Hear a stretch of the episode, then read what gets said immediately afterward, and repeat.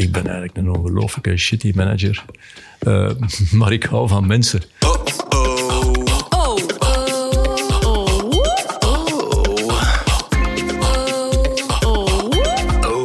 Welkom bij de achtste aflevering van de Only Humans podcast. Ook deze keer gaan wij op zoek naar boeiende verhalen achter unieke merken. En we maken vandaag kennis met Luc van Moerzeken, CEO van Vulpia. Vulpia is een van de belangrijkste spelers in de sector van de woonzorgcentra en assistentiewoningen. We praten met Luc over marketing, zorg anno 2020 en ontdekken zo de mens achter de CEO. Mijn naam is Wouter Cartier. En ik ben Alessandro Segata. Van harte welkom.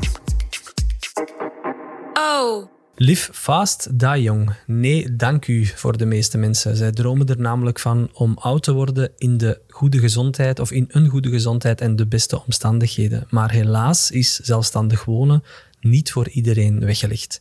Gelukkig kan je dan als senior terecht in een aangepaste woonvoorziening. Met 36 woonzorgcentra, meer dan 4000 bedden, 673 assistentiewoningen en 2500 merknemers is Vulpia een van de grootste Belgische spelers in de sector van de ouderenzorg. Maar hoe ziet CEO Luc van Moerzeke de sector evolueren en hoe past hij daarvoor ook zijn marketing aan? Dat vragen we hem vandaag graag zelf. Welkom Luc. De zorgsector is niet een evidente sector. Hoe ben je daarin beland? Eerlijk gezegd op een blauwe maandag, uh, bijna 25 jaar geleden. Uh, ik had gewerkt in de banksector, ben eigenlijk een ingenieur van opleiding. Um, ik heb dat nooit beoefend, ik was er waarschijnlijk niet zo goed in. Um, ik heb ook met ongelooflijk veel passie in de bank gewerkt, uh, maar uiteindelijk was dat altijd hetzelfde. Geld, meer geld verdienen. Ik heb dan gewerkt voor een privé-investeerder, bijzonder veel geleerd. En er was eigenlijk zoiets dubbel. Aan de ene kant een drive om zelf iets te doen. En aan de andere kant wou ik iets doen met veel meer maatschappelijke relevantie. En ik ben lang voor het een uh, hype werd uh, gestart in die sector vanuit overtuiging dat ik daar het verschil kon maken voor mensen door te doen wat dat je doet. En dat was namelijk zorgen voor hen. En als je dan uh je bent gestart met één woonzorgcentrum. Uh, je bent dan nadien uh, wat verder gaan groeien, een aantal andere overgenomen. Hoe, hoe ga je dan te werk als je kijkt naar welke centra neem je over of welke. Uh, er was eigenlijk zelfs een soort van pre-start. Uh, in, uh, voor ik eigenlijk met Vulpia begonnen ben in 1996, was er een pre-start.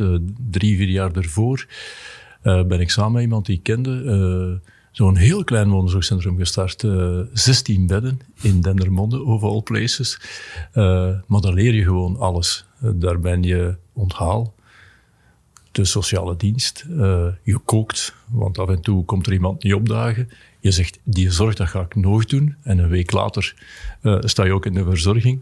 Ik ben dan ook de opleiding van zorgkundige gaan volgen. Ah, oké. Ja als ik heel eerlijk ben, dan heb ik een beetje de métier geleerd en uh, kunnen zien waar het echt om gaat bij die mensen. Die zorg is één iets, maar er zijn voor hun is volgens mij nog veel belangrijker. En in zo'n heel kleinschalig gebeuren kan je er zijn voor mensen. En dat is dan de uitdaging. Hè?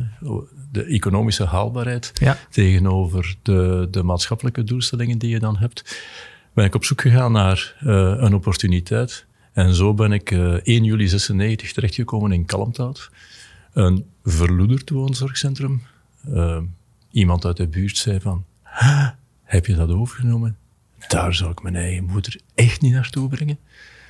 Zes maanden later had dat een heel andere reputatie door daar opnieuw die bezieling te brengen. Uh, nog twaalf maanden later stond er een nieuwbouw. Mm -hmm. En dat is het begin.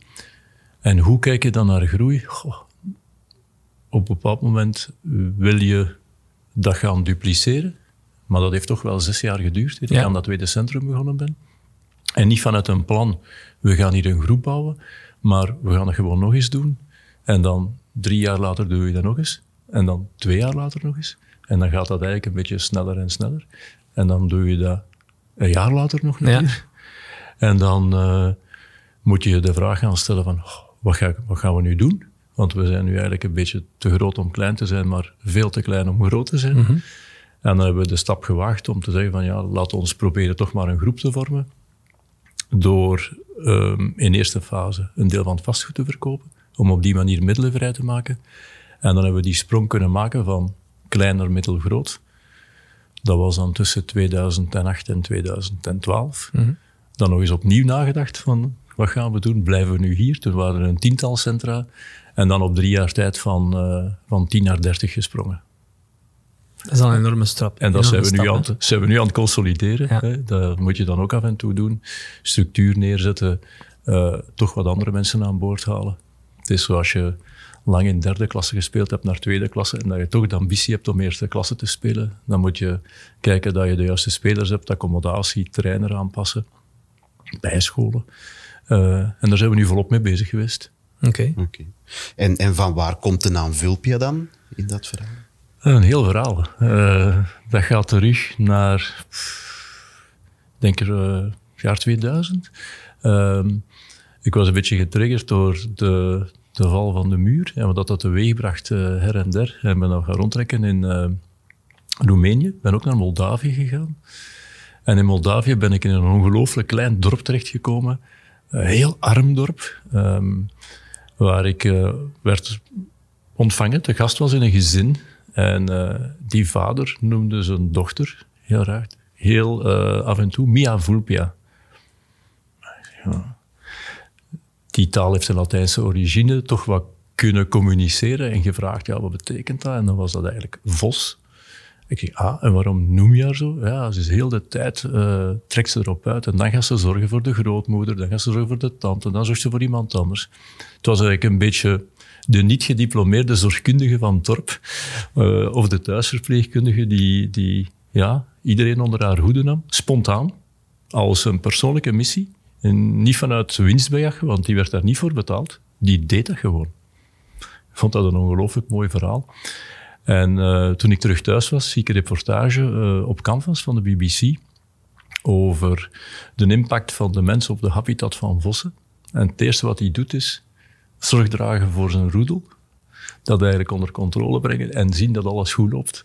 Dat iedereen terug gelukkig is en uh, het goed heeft. En toen dacht ik van, ja, als ik die twee verhalen bij elkaar breng, dan is dat misschien wel de naam voor de organisatie waar ik wil voor staan. Ja, absoluut. Zeer mooi. En, en waarvoor wil Vulpia dan gaan staan ook in de toekomst toe? Want natuurlijk merken en, en ook de instellingen evolueren constant. Oh, ik denk dat wij in volle transitie zijn. Uh, en misschien niet alleen Vulpia, maar vandaag ook wel de sector van zorgorganisatie naar welzijnsorganisatie. Ik denk als je kijkt naar dat landschap, uh, dan zie je, als je dat decretaal bekijkt, hè, in de jaren 80 heel veel inspanningen, uh, zeker in misschien meer pionier Vlaanderen, die gezegd heeft, we willen dat echt op een heel hoog niveau, ook de historiek, vanuit uh, congregationele, toch wel altijd sterk in zorg geweest.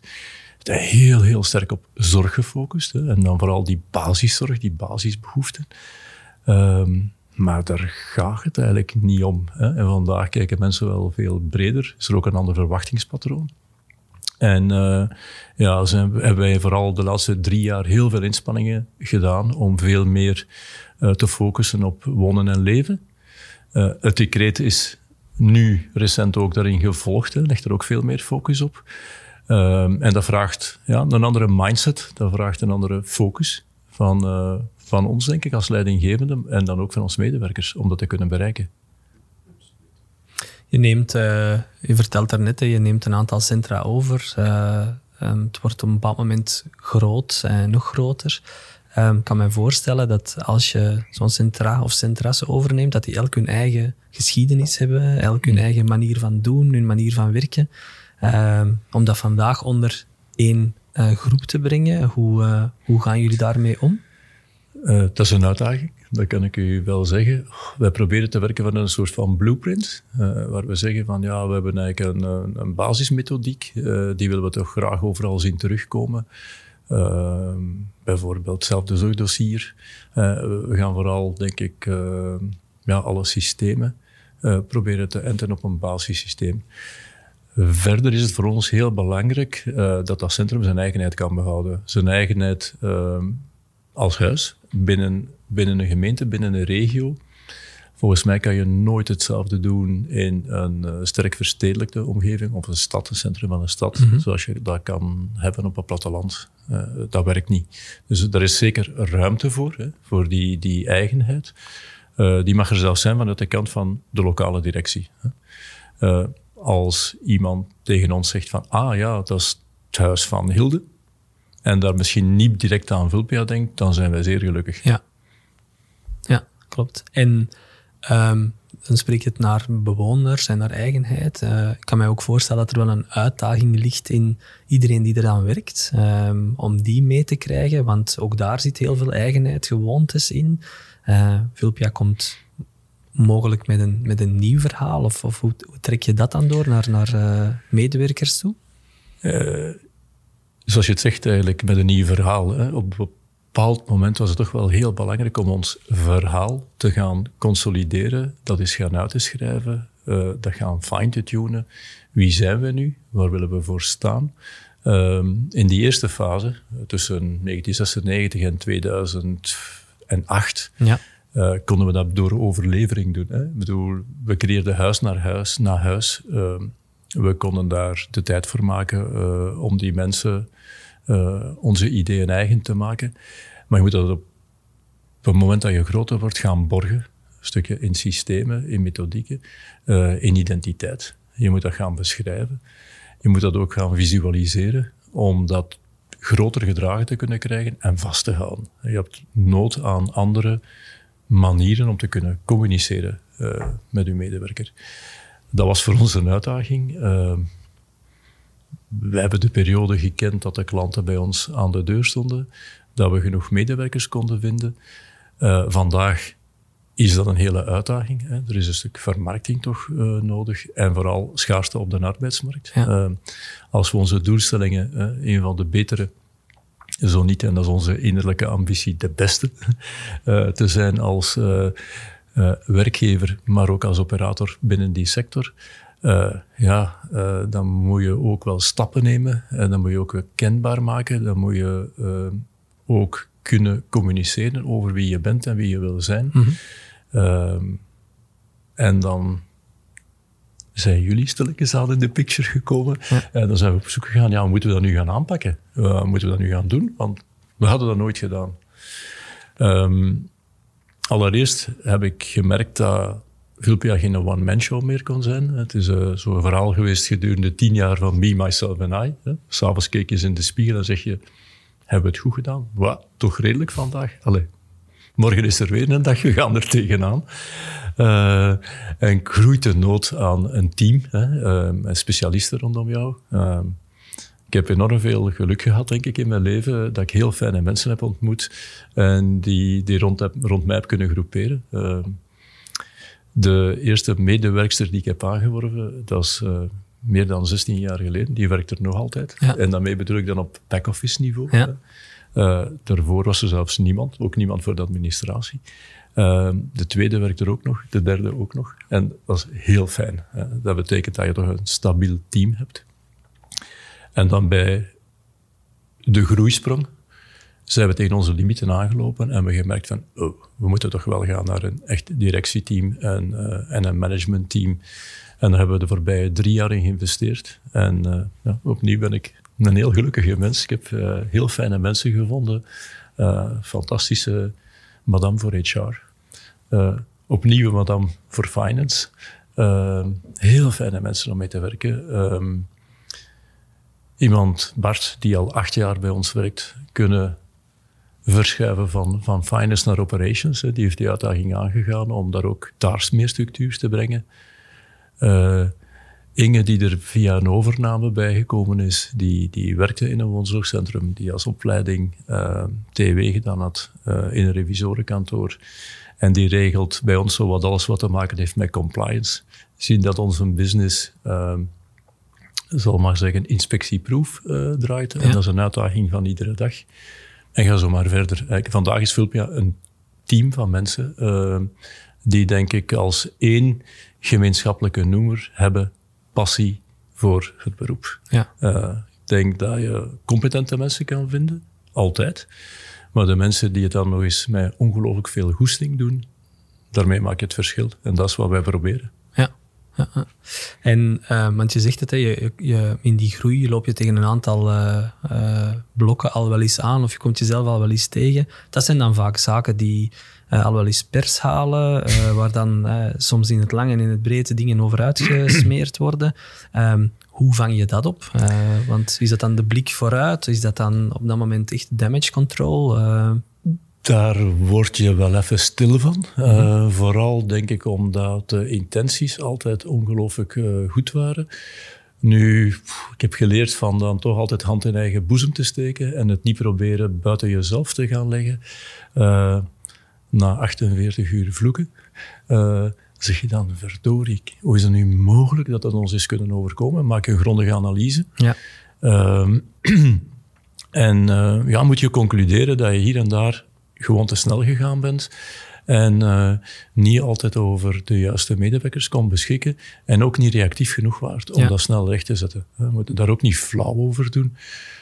Daar zit daar ook een stuk in um, dat je soms importeert. Hè. Dat waren centra bij die we overgenomen hebben.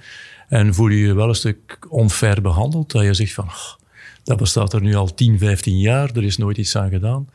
Je hebt dat dan net geïncorporeerd en waps, uh, en dan voel je je wel een stukje, zelfs meer dan in de flank, maar in de rug aangevallen. En je zegt van, ach man, kom, geef ons nu een beetje tijd. Uh, we gaan dat hier rechtzetten. Als ik daar nu op terugkijk, hebben we er ook enorm veel uit geleerd. Uh, uh, hebben onze organisatie nog beter gemaakt, nog sterker gemaakt, uh, nog alerter gemaakt uh, voor die dingen. Ja. en ben ik blij dat na een directiecomité dat we net gisteren gehad hebben, dat men mij gezegd heeft van we zijn er. Het is terug allemaal onder controle. En dat geeft vooral een fijn gevoel. Uh, want ik besef meer dan uh, wie ook, het gaat iedere keer over een heel kwetsbaar persoon. Hè. Vader van, moeder van, ja. uh, vriend of familielid van. en dat probeer ik zo te blijven zien. Ik heb het ook eens tegen jullie gezegd. Mijn drive was uh, eh, 25 jaar geleden. Als ik uh, morgen moet kiezen voor mijn vader of mijn moeder, mag het dan bij ons zijn? Vandaag kan ik terug zeggen, het mag overal terug bij ons zijn. Ja, heel belangrijk. Um, als je dan toekomst kijkt van het bedrijf, want we staan vandaag 2020, uh, eh, richting, er gaan nog wel wat zaken veranderen, denk ik. Je, je zegt in het begin van het gesprek, zei je van, het zit een beetje in een hype. Um, hoe kijk je naar die toekomst? Um, zijn er andere segmenten naast woonzorgcentra en assistentiewoningen die jullie gaan aanboren? Of hoe zie je um, Vulpia verder groeien? Tot, uh, tot tien jaar geleden hadden wij geen assistentiewoningen. Vandaag hebben wij er een kleine 700. Uh, eh, daar zitten er wel nog wat in de pipeline. Dat zijn allemaal assistentiewoningen gekoppeld aan de woonzorgcentra. Sinds een drietal jaar hebben we ook een aantal groepen van assistentiewoningen niet gekoppeld, onder de naam Meridia. Um, dat is een eerste verbreding, hè, waar we de minder zorgbehoevenden, waar het meer de focus ligt op uh, echt leven en wonen, maar een stuk ontzorgd kunnen leven en wonen. Uh, dan kom je al heel snel in aanraking met uh, thuiszorgdiensten, met thuisverpleegkundigen. Um, de idee die we hadden tien jaar geleden was van we gaan dat zelf doen. Uiteindelijk zijn we daar terug op gekomen en gezegd van we kunnen beter goede partnerships sluiten met mensen die sterk zijn in die domeinen uh, en daarmee gaan samenwerken. En uh, ja, daar zal binnenkort ook nog wel iets over gecommuniceerd worden, maar we hebben een strategisch partnership gesloten met uh, Mederi, mm -hmm. een van de grootste Vlaamse, Belgische mag ik zeggen, maar vooral actief in Vlaanderen, thuiszorgorganisaties. Um, en dat begint nu al vruchten af te werpen. In die zin dat de bewoner, als hij, of de patiënt zoals zij hem dan noemen, als die van een thuissituatie naar een ziekenhuis gaat, maar niet direct terug naar huis kan, ja, wij hebben accommodatie. Uh, we hebben ook facilities. Hè. We, kunnen, uh, we kunnen poetsen, we kunnen voor maaltijden zorgen. Maar zijn wij daarvoor de beste tijdelijke zorgverstrekker? Maar niet noodzakelijk. Als er dan een verpleegkundige is die die patiënt al jaren volgt, wel, dan kan die die vandaag binnen onze organisatie blijven volgen. En hebben we eigenlijk een betere oplossing uh, voor uh, dat type bewoner dan dat we daar eigenlijk onze eigen verpleegkundigen voor zouden gaan inschakelen. Dat is een manier hè, dat wij naar de, de toekomst kijken. Een andere manier is uh, grootschalig tegen kleinschalig. Ik denk dat wij op zoek zijn naar kleinschaligheid binnen de grootschaligheid. Mm -hmm. je kan het een beetje vergelijken met de supermarktketens die eigenlijk alle buurtwinkels uh, doen verdwijnen hebben 30 jaar geleden en vandaag niks anders doen dan buurtwinkels creëren. Dus ik denk dat we meer aanwezig willen zijn in een buurt, daar deel willen van uitmaken, minder in dat hoekje zitten um, en naar de andere aanbieders kijken binnen een gemeente. Een fantastisch mooi voorbeeld is ons woonzorgcentrum in Hamond-Achel, waar TOS NW al jaren geleden beslist heeft van zelf geen aanbod te willen doen, maar wel de regie te voeren. Daar heb je een soort van zorgmanager die vanuit uh, eh, TOCNW werkt en die overleg pleegt uh, met alle actoren binnen de gemeente en waar eigenlijk gekeken wordt naar de beste zorgvorm voor de zorgvrager. Uh, schitterend model, mm -hmm. dat loopt supergoed. Het zou heel fijn zijn mochten we dat morgen in heel Vlaanderen of in heel België kunnen zo zien. Uh, omdat uh, actoren elkaar dan niet meer zien als competitoren, maar als uh, mensen die samenwerken ja. voor hetzelfde belang. Klopt, klopt, klopt. Als we het dan iets wat breder trekken, we hebben het nu over Vulpia gehad, maar als je kijkt naar ouderenzorg, ja, dan die vergrijzing blijft verder gaan. Welk gevolg heeft dat voor de sector? Je sprak daar net over, we zijn enerzijds op zoek naar uh, continu op zoek naar nieuwe werknemers of medewerkers, wat altijd een uitdaging is. Um, klopt het beeld nog dat uh, alle woonzorgcentra vandaag volzet zijn? Uh, is dat zo? Of word je ook geconfronteerd met, ja, ik kan me voorstellen, misschien een meer stedelijke omgeving met, met, met plaatsoverschot, terwijl dat eerder landelijk dat dan net andersom speelt? Klopt dat beeld of is dat... Uh, we hebben lange periodes gekend hè, van uh, schaarste van capaciteit. Dan is er heel veel gecreëerd. Hè. In de voorbije vijf jaar is er heel veel nieuwe capaciteit gecreëerd. Zijn er vooral ook heel veel nieuwe assistentiewoningen gebouwd. Hè. Duizenden in mm -hmm. Vlaanderen. Uh, is thuiszorg fel gestimuleerd. Er is de knik in de demografische curve er is de crisis geweest. Je hebt een aantal elementen gehad, bijna gelijktijdig, die ervoor gezorgd hebben dat er een tijdelijke dip is. Uh, en je hebt de stedelijke omgevingen waar uh, je toch een sterke allochtone bevolking hebt, ja. die cultureel gezien zelf zorgen voor uh, hun ouders, hun familieleden, en die laat ons zeggen, in de tellingen en de berekeningen vroeger gewoon meegenomen zijn.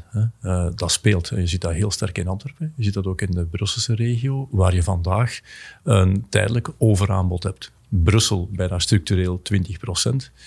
Ik denk dat dat voor Antwerpen eerder tussen de 5 en de 10 procent is, maar het is er wel. Nu, dat is tijdelijk, hè, want uh, demografisch uh, weten we allemaal dat er heel wat meer bewoners gaan bijkomen.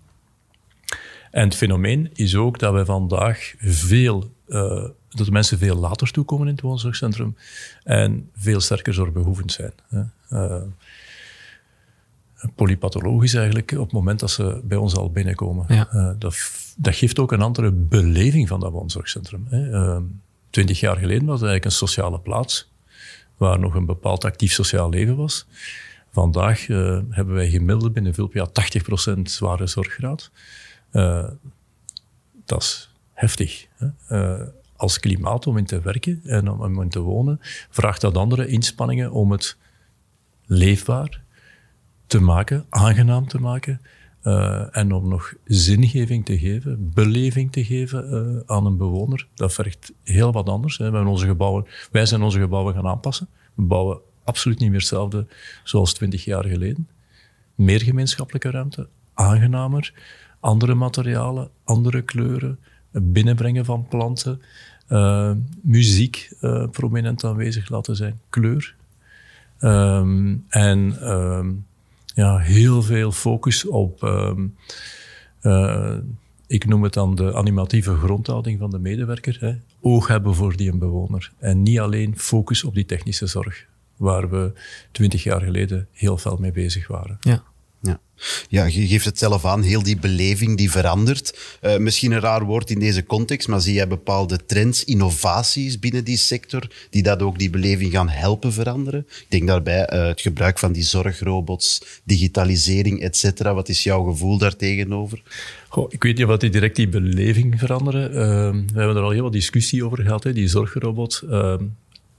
Wij zien, hè, uh, we zijn er ook van overtuigd, er is ook heel wat literatuur over, dat menselijk contact super belangrijk is. Hè. Uh, bewoners in een woonzorgcentrum of in woonzorgcentra met 80% zware zorggraad, uh, die zitten eigenlijk in een prepalliatief stadium. En die hebben totaal andere behoeften. Die willen graag nog eens vriendelijk bejegend worden, gekend worden, nog eens een verhaal kunnen vertellen. Hè? Want er zijn heel veel mensen bij met een verhaal. Hè? Uh, we moeten weg, denk ik, uh, van het kijken naar iemand met heel veel beperkingen, maar iemand die een leven gehad heeft, hè? een heel rijk leven gehad, en daar aandacht voor hebben, dat kan wonderen doen. Het zit niet in de grote uh, fancy things. Um, innovatie, digitalisering, ondersteuning, wearables, super nuttig. Waarom? Meer tijd vrij krijgen voor onze medewerker om echt aandacht te kunnen hebben voor die bewoner. Daar zie ik absoluut toegevoegde waarde. Maar het gaat om aandacht. Ja, wat je daarnet of net aanhaalt, de, het, het, goed gesprek, aandacht voor uh, de bewoner. Uh, iedereen heeft zijn uh, uniek verhaal, want heeft er eigenlijk een, een, ja, het leven zit er niet op, maar heeft toch wel een enorme levenservaring. Ehm, daar denk ik, zijn jullie van, van plan of, of leeft toch het idee om daar dingen mee te doen? Kan je daar iets over vertellen? Want het is toch wel een vrij uniek uh, project, ja, denk We hebben dat terug inderdaad naar boven gebracht, hè, dat, dat unieke verhaal. Uh, toen ik uh, bijna 25 jaar geleden startte, um, konden we daar veel aandacht voor hebben en heb ik ongelooflijk mooie dingen kunnen oppikken in de loop van die jaren vanuit de verhalen van die bewoners. Um, om dat binnen de grootschaligheid van Vulpia en als aandachtspunt terug naar voren te trekken, zijn we inderdaad met een soort van ja, projectje gestart, zal ik maar zeggen. De, Unique Stories of uh, People Living With Us.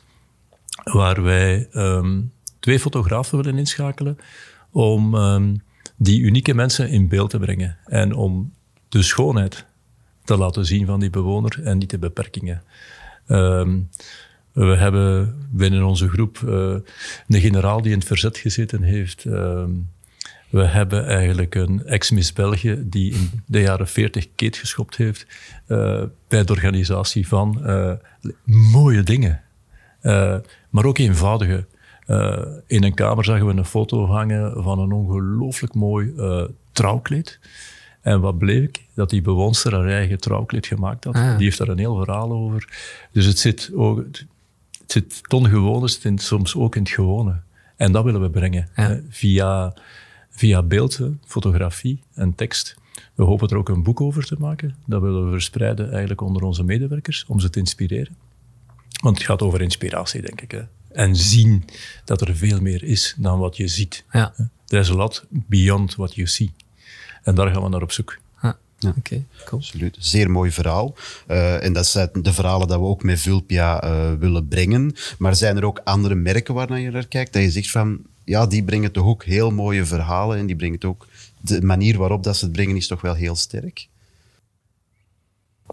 Oh, zijn er andere merken uh, binnen de sector bedoel je dan? Of? Dat mag binnen de sector of daarbuiten merken waarvan dat je zegt van, waar dat je naar opkijkt of waarvan dat je zegt van daar pak ik toch soms dingen Goh, uh, nee, het gaat voor mij vooral, ik laat mij bijzonder inspireren door, do, door mensen. Uh, ik was gisteravond uh, in de Warande in Turnhout. Ehm, ik zag daar Novastar aan het werk. Dat is ongelooflijk hoe die dat terug weg van een groot podium in een kleine zaal brengt en hoe die jou kan raken en bezielen. Dat is denk ik waar het om gaat. Proberen mensen te raken en te bezielen. Um, inspireren. Um, Ik ga hier iets zeggen voor de micro, wat uh, heel veel mensen binnen Vulpia weten. Ik ben eigenlijk een ongelooflijke shitty manager. Uh, maar ik hou van mensen. Uh, en ehm, daar ben ik terug mee bezig. als je met die groei bezig bent, dan, dan ben je eigenlijk met business bezig. Dan probeer je een organisatie neer te zetten. En die heb je nodig. Hè. Je hebt die nodig. Je hebt een bepaalde schaal nodig om binnen een landschap te kunnen overleven. Dat is het economische. Dat moet er zijn. Ik heb nu fantastische mensen die dat kunnen managen.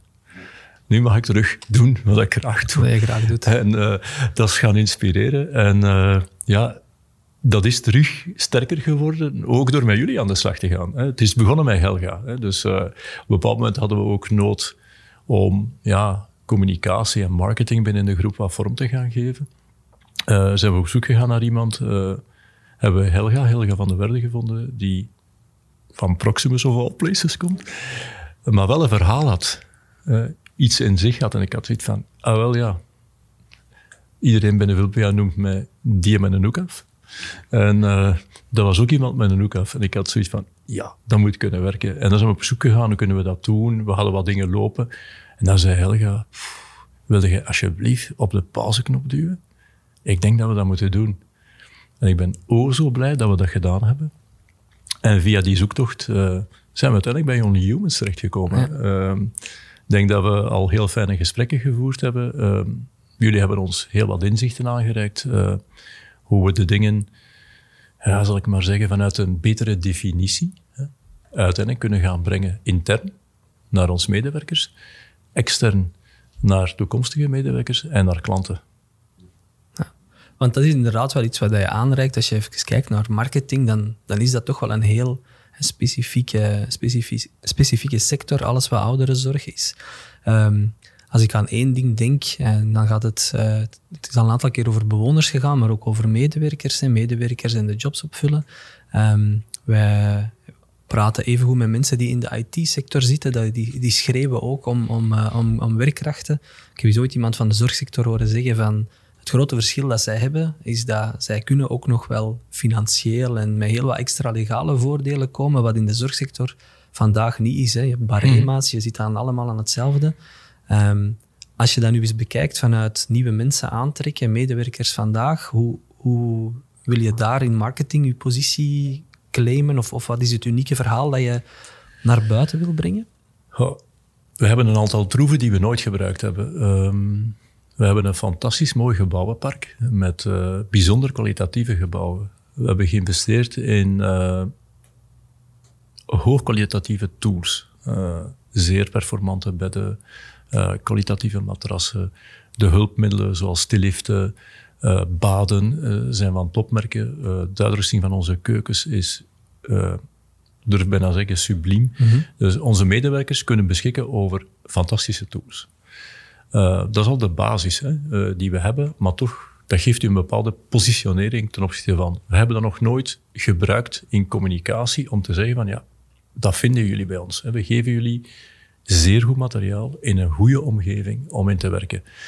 Uh, aan de andere kant uh, hoop ik hè, mensen te kunnen inspireren met, met ons verhaal. Van je komt niet alleen bij ons werken, je mag daar ook iemand zijn, er gaat daar ruimte zijn voor contact. En dat is een uitdaging. Hè? Maar dat contact kan ook zitten in de uitvoering van de job. Mm ik vertel dikwijls dat verhaaltje van als je het wil weten van een bewoner, vraag het aan de poetsvrouw.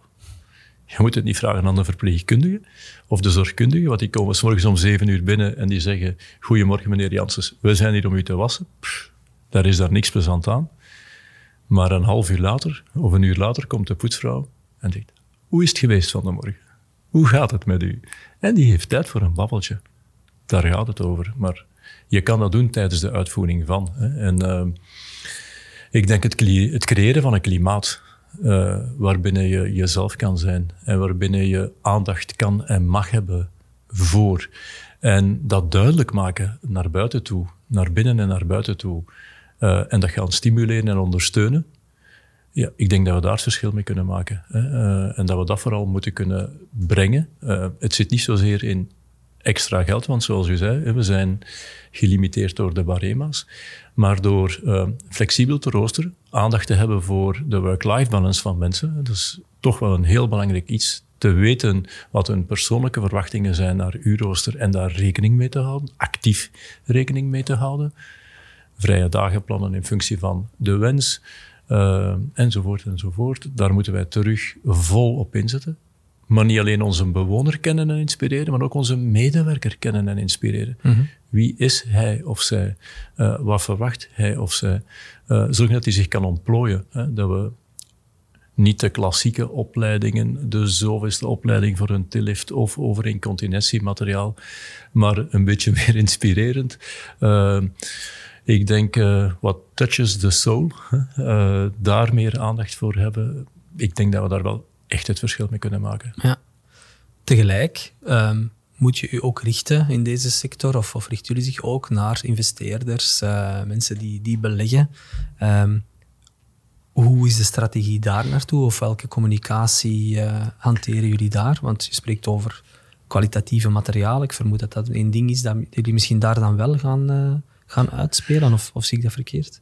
Wij hebben uh, ongelooflijke fijne stakeholders rondom ons kunnen verzamelen. Uh, aan de ene kant uh, onze bankiers, hè, waar wij toch al jarenlang een, een fantastische relatie mee hebben.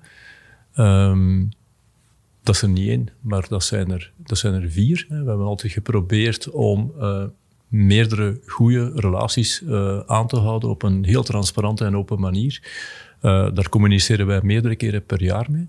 Uh, als je met een groep door een sterke groeispurt gaat, uh, en als daar heel wat greenfields in zitten, zoals dat in ons uh, geval was, dan gaat dat gepaard met ongelooflijke aanloopverliezen. die moet je voorzien hebben in je businessplan, en dat was ook het geval. Maar dan moet je zeer open over communiceren met je bankiers, want anders dan haal je het niet. het is ongelooflijk fijn te zien dat wij door die periode van die sterke groei met, uh, gepaard met die verliezen blijvend gevolgd zijn door uh, onze bankiers. Dat we dat vertrouwen kunnen behouden. Dat is heel fijn. En dat is denk ik alleen maar door open en transparante communicatie. Aan de andere kant hebben wij in 2012 en dan voor de tweede keer in 2014 uh, beslist om vastgoed te gaan verkopen. Ook daar hebben wij een zevental investeerders rond ons verzameld, waarvan er enkele dominant aanwezig zijn. Um, dat gaat van verzekeraars tot um, vastgoed BEVAX. Uh, de gekende uh, eh, ITV Care Property, mm uh, Cofinimo, maar aan de andere kant ook AG Real Estate, ETIAS, Baloise, Federale Verzekeringen. Um, we hebben altijd veel aandacht gehad voor de directe persoonlijke relatie. Weet met wie je te doen hebt. Mm -hmm. En we rapporteren tot vier keer per, per jaar. Ehm, en meestal nodigen we dan ook uit voor een gesprek. Gaan we dan in de diepte, zodat zij ons ongelooflijk goed kunnen volgen. En inderdaad, laten we daar ook, ik denk dat zij ondertussen weten welke kwaliteit van gebouwen wij, wij afleveren. Ehm, de waarde van een gebouw, denk ik, hangt af van de kwaliteit van een operator. Uh, naast uiteraard de kwaliteit van het gebouw aan zich. En wij proberen zorg te hebben en aandacht voor de beiden. Ja, klopt. Um, als ik dat hoor, dan, je, je noemde jezelf daarnet een beetje shitty manager, of, of, uh, maar ik kan me toch wel voorstellen, of ik, ik probeer me dat toch wel in te beelden, dat um, je bezig bent met bewoners, met mensen rond de bewoners. Ik denk aan, kinderen die toch ook mee die beslissing nemen, medewerkers, directie vandaag, stakeholders, bankiers, noem het maar allemaal op. Um, dat is een uitdaging in communicatie, maar het is ook wel een uitdaging in, in, in leiderschap, uh, denk ik. Hè. Jij als persoon uh, bent daar al heel wat jaren in actief. Uh, die balans vinden, de, waar haal je de voldoening uit en, en, en hoe doe je dat? Ik, ik hou enorm van mijn job. Ehm, degenen die mij kennen, denk ik, binnen Vulpia, maar ook daarbuiten, die, die weten dat. Ik zie mijn werk niet als werk. Ik heb dat eigenlijk nooit zo gezien. Dus uh, wat dat betreft ben ik uh, heel geprivilegeerd, hè, dat ik mij zo mag voelen. Uh, dus ik ben ongelooflijk blij met de beslissing die ik 25 jaar geleden genomen heb van te stoppen met werken in de financiële wereld en te gaan werken in, in deze wereld. Ik had nooit gedacht dat dat mij zou gebracht hebben waar dat mij dat vandaag gebracht heeft. Daar is wat geluk mee gepaard. Denk dat ik ook hard gewerkt heb. maar ja, vooral, ik, ik doe dat met ongelooflijk veel plezier en met veel passie. En ik denk als je dat zo doet, dan, dan ga je mensen rondom jou toch een stukje inspireren. Ik denk dat ik, uh, dat, ik dat wel besef, dat ik dat wel kan. En dat ik ook altijd aandacht gehad heb om heel competente mensen rond mij te verzamelen. Die ook een visie hebben. Uh, die niet noodzakelijk de mijne moet zijn, uh, waaruit uh, gezonde discussie, vanuit gezonde discussie ontstaan er gedragen beslissingen. Dat is een uitdaging. Hè? Als je eerst tien, tien, jaar je goesting gedaan hebt, dan vergt dat wel wat change in, je, in je eigen hoofd. Hè? Daar heb ik dan ook vijf jaar over gedaan. maar de laatste vijf jaar staat daar een heel sterk team. Hè? Vulpia is een team. Ja. Uh, waar ik vandaag eigenlijk kan in gemist worden. En dat geeft een heel fijn gevoel. Uh, ik heb dat deze zomer, of vorige zomer, mogen ervaren. Uh, door omstandigheden ben ik langer afwezig geweest. En ik ben uiteindelijk twee dagen naar kantoor moeten gaan om wat stukken te tekenen, waarvoor ik alleen handtekening bevoegdheid had. En dat was het. Ja. Dus dat betekent dat team staat daar. En ja, dat is heel fijn om dat te mogen ervaren. En dat geeft mij ruimte om terug te gaan naar de core. Uh, om terug meer aandacht en te gaan zoeken naar de mens.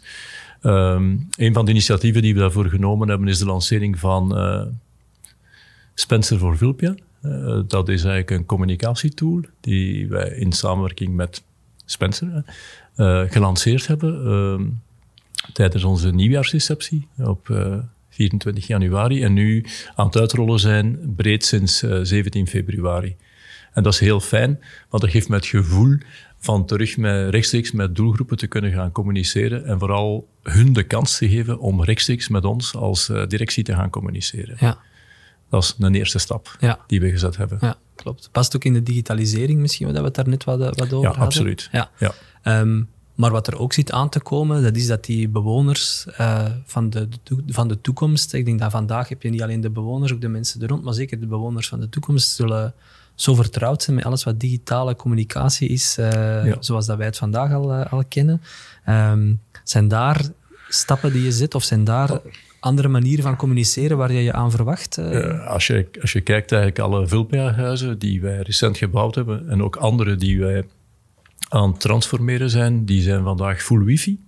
Ehm, dat was vroeger beperkt aanwezig, dat was alleen maar in de kantoorzone. Mm dat wij wifi hadden voor als wij daar zelf toe kwamen om te kunnen werken.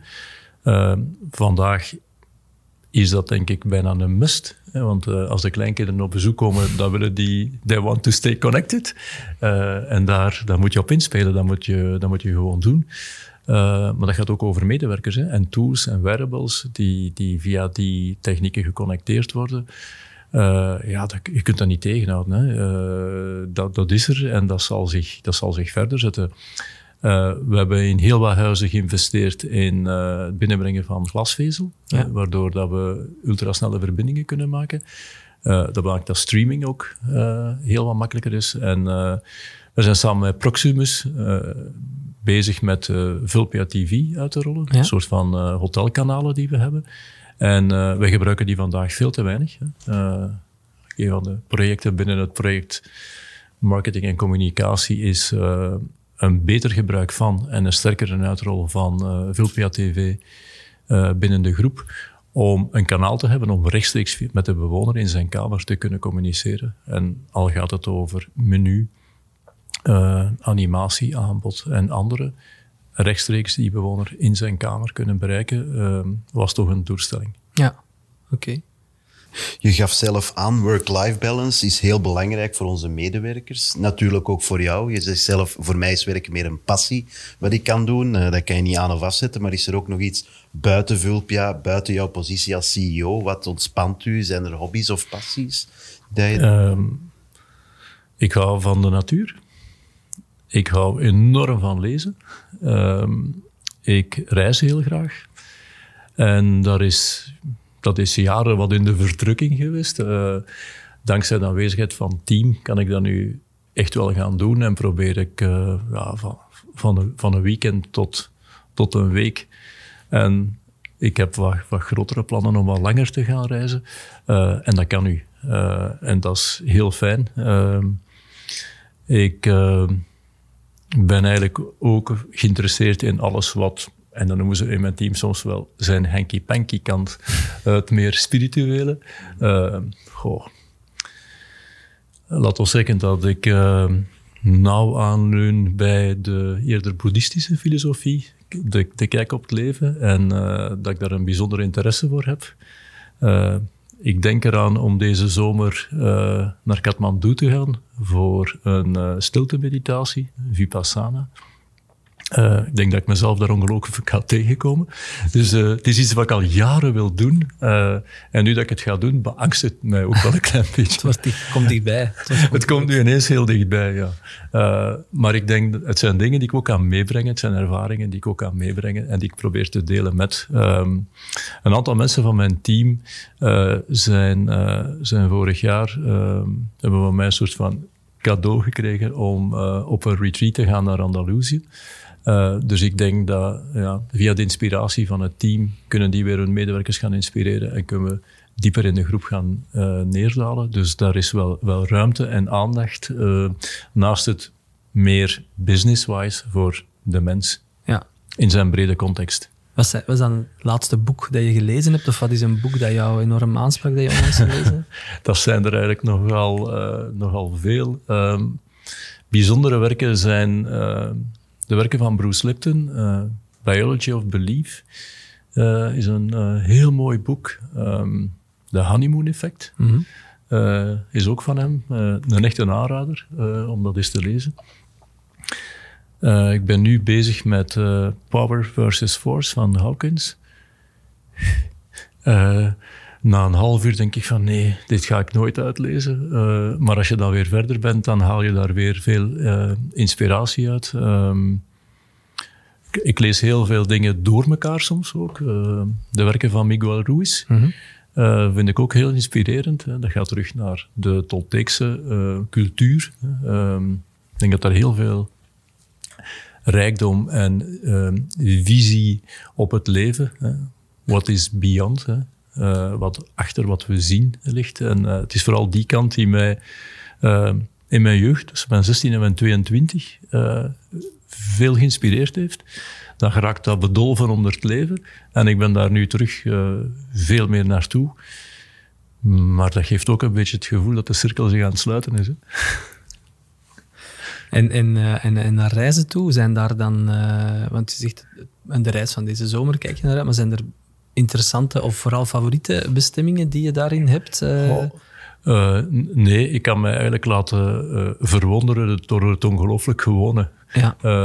dus ik, ik hou wel van het water, ben graag op het water. dus ik kom daar tot rust. Um, maar dat kan net zo goed een, een stad zijn. ik heb zaterdagmorgen gewoon beslist van, weet je, ik ga het weekend naar Parijs. Ik heb mijn ticket gekocht. En ik ben gewoon naar Parijs gegaan. Uh, en daar ben twee keer 15 kilometer gaan wandelen. Ja. Um, ben vorige zomer met, met een tweeling naar Californië getrokken. We zijn daar 5000 kilometer gaan, gaan rondtrekken. Uh, dat heeft mij ongelooflijk geïnspireerd. Uh, de wijdheid van de natuur die je daar vindt. Ja. Uh, je kan daar nog ehm, een halve dag rijden zonder iemand tegen te komen, zonder een huis te zien. Dat is hier ondenkbaar. Uh, de indrukwekkendheid van die canyons, uh, dat doet iets met de mensen. Ja. Uh, Peru staat nu op het lijstje voor dit jaar. Ik hoop dat we kunnen doen. Interessant. Um, als ik dan zou vragen, wat heeft u het laatst ontroerd of wat heeft u geraakt? Wat zou je daar dan noemen? Ik word meest geraakt door de, de kwetsbaarheid van de mens. Uh, wat uw ziel beroert. Hè. Uh, gisteravond bijvoorbeeld. Hè. Uh, dat is toch een fantastische artiest, maar hoe hij dat daar deed, helemaal op zijn eentje, met zo'n zaal voor je, en u te weten raken in uw ziel, dat vind, dat vind ik geweldig. Um, maar uh, dat is ook heel dikwijls bij mijn kinderen. Uh, soms gebeuren er uh, dingen in hun leven uh, die je niet ziet of die je, die je niet zag. doordat ik nu terug meer tijd heb. Misschien niet tijd in de absolute zin, maar vooral aandacht. Mm zie je dan dingen en dan kan je soms zo'n mooie connectie maken daarmee. ja, dat kan mij dan wel beroeren. En dan denk ik als mensen mij op de ring van Antwerpen zien rijden, uh, dan denk je, wat is er met TMS aan de hand? Uh, en dat kan dan van diep verdriet naar, naar ongelooflijk geluk gaan. Uh, maar het zit voor mij heel, heel veel in die kleine dingen. Ja, klopt. Hoe oud is de tweeling? tweeling is 23. Ah, ja, voilà. ja. ja. Ik heb heel veel projecten gedaan in mijn leven. Ik heb zeven kinderen, waarvan één dochter, en dat heeft dan toch wel iets speciaals. Klopt. Um, ja, een, een vraag. Um, goed, ik ga ze, ik ga ze stellen, uh, die, die er misschien wat haaks op staat. Want je zegt heel veel inspiratie, heel veel spirituele zaken. Um, tegelijk sta je bekend, alleen misschien hoeft het er niet haaks op te staan, als iemand die ook vermogend is. Uh, dat zijn dingen die je soms online uh, kan vinden. Doet dat iets met u? het feit dat dat ja, enerzijds online staat, het anderzijds dat dat, dat, dat zo is? Nadat ik, denk ik tien jaar en dan vijf jaar intensief met die groei bezig was geweest, kom ik terug bij iemand en haar naam is Sabine. Uh,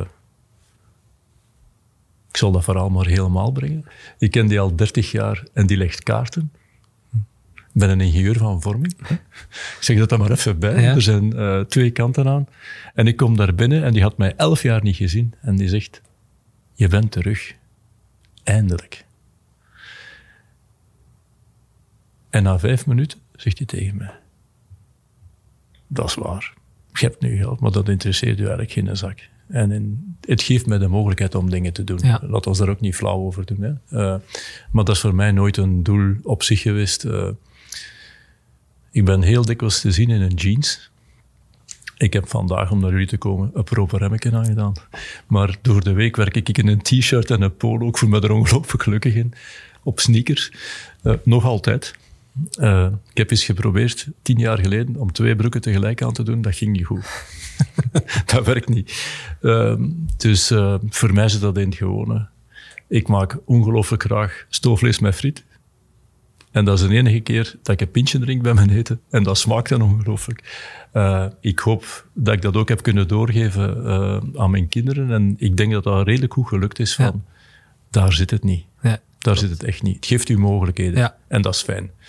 En ik hoop daar in mijn leven nog iets mee te kunnen doen. Ik heb uh, op mijn 18, en ik had geen rotte frank, want toen waren het nog frangen, aan mezelf beloofd, als ik ooit iets bereik, dan doe ik iets terug. En ik ben nu aan het nadenken uh, om ergens, uh, maar daar wil ik het nu vandaag nog niet over hebben, maar dat begint bij mij wel vorm te krijgen, uh, een centrum op te richten, waar ik een stuk van mijn middelen kan, kan uh, aan ter beschikking stellen om maatschappelijk relevante dingen te doen voor mensen die geen toegang hebben tot.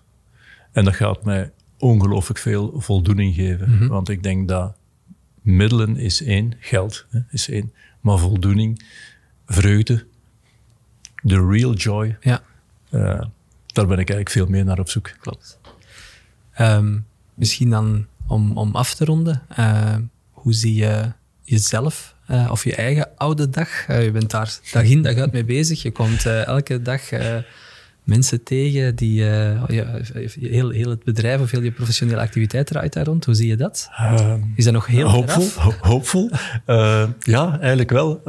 ik had een paar maanden geleden een gesprek met iemand en ik denk dat hij 70 of 72 was. En die man was heel de tijd tegen mij bezig over lange termijn, lange termijn, lange termijn. En ik vraag op het einde van, maar zonder onbeleefd te zijn, maar hoe oud ben je? En ja, 70. Ik zeg ja, en lange termijn. Maar ja, dat is geen probleem. Hè. Ik ga ervan uit van 120 te worden. Ja, voilà. dus uh, ja, hoe kijk je ernaar? Um, ja, voor mezelf. Uh, ik hoop uh, dat ik eigenlijk het DNA heb van mijn overgrootmoeder en mijn grootmoeder. Mijn overgrootmoeder is 101 geworden thuisgestorven na een heel korte ziekte. Mijn grootmoeder, 98, thuisgestorven na een heel korte ziekte. Mijn vader is bijna 88, fietst 7500 kilometer per jaar en rijdt 5000 kilometer met zijn auto. Voilà. Gaat naar de winkel door de stromende regen met zijn fiets. En ik zei, dan, waarom ga jij nu niet met de auto? Ben ik niet van plastic? Uh, ik hoop dat ik dat materiaal wat gerft heb, uh, maar vooral dat ik uh, purpose mag houden, dat ik uh, zingeving mag houden. En ik denk, waar het mij zal brengen, dat weet ik niet, maar ik ben vol vertrouwen. Oké. Okay. Ten slotte misschien, is er een geheim voor lang en gelukkig leven? dat is er zeker. Dat, dat, denk ik, ja. Um, daar wordt meer en meer over uh, gepraat en meer en meer over geschreven. Uh, de Blue Zones. En uh, dat is denk ik een doel houden. Altijd. of je wacht om dood te gaan, of je hebt zin om te leven. Dat is een keuze. En die kan je iedere dag maken. En dat, dat, geldt op je 20. En dat geldt ook op je 80 en op je 90. Um, daar begint het mee. Een stukje actief kunnen blijven en zijn. En die mogelijkheden zullen minder en minder worden, maar binnen die beperkte mogelijkheden kan je nog altijd kiezen om actief te zijn. Stay connected. Uh, denk ik heel belangrijk. Mm -hmm. uh, dat je contacten blijft onderhouden. Uh, leef gezond. Ga op tijd gaan slapen en slaap genoeg. Daar zondig ik wel regelmatig tegen. Uh, eet gezond. Zorg mij dan de woorden ook goed voor je lichaam. Ehm, en houd alles in balans. Ik denk dat dat een recept is. Prima. Ik denk dat dat een mooie afsluiter is van, uh, van deze podcast. Um, dat, uh, die we, dat we zeker, uh, zeker kunnen meenemen. Dankjewel voor je, voor je komst. Het was een uh, inspirerende babbel. ik denk dat we heel wat dingen geleerd hebben. en voor de mensen of voor de luisteraars wil ik nog vertellen dat deze podcast een maandelijkse podcast is. Dat wij de volgende gast te gast hebben. Um, en dan gaan we het hebben over sociaal ondernemen en initiatieven om voedselverspilling tegen te gaan. Wil je op de hoogte blijven, dan vragen we je zeker om je te abonneren via je favoriete podcast-app. En mocht je dat nog niet gedaan hebben, beluister dan ook zeker onze vorige afleveringen. Vergeet ons niet te reviewen en te raten. Zo vinden ook andere luisteraars makkelijker de weg naar onze podcast. Tot de volgende keer en bedankt voor het luisteren. Dankjewel.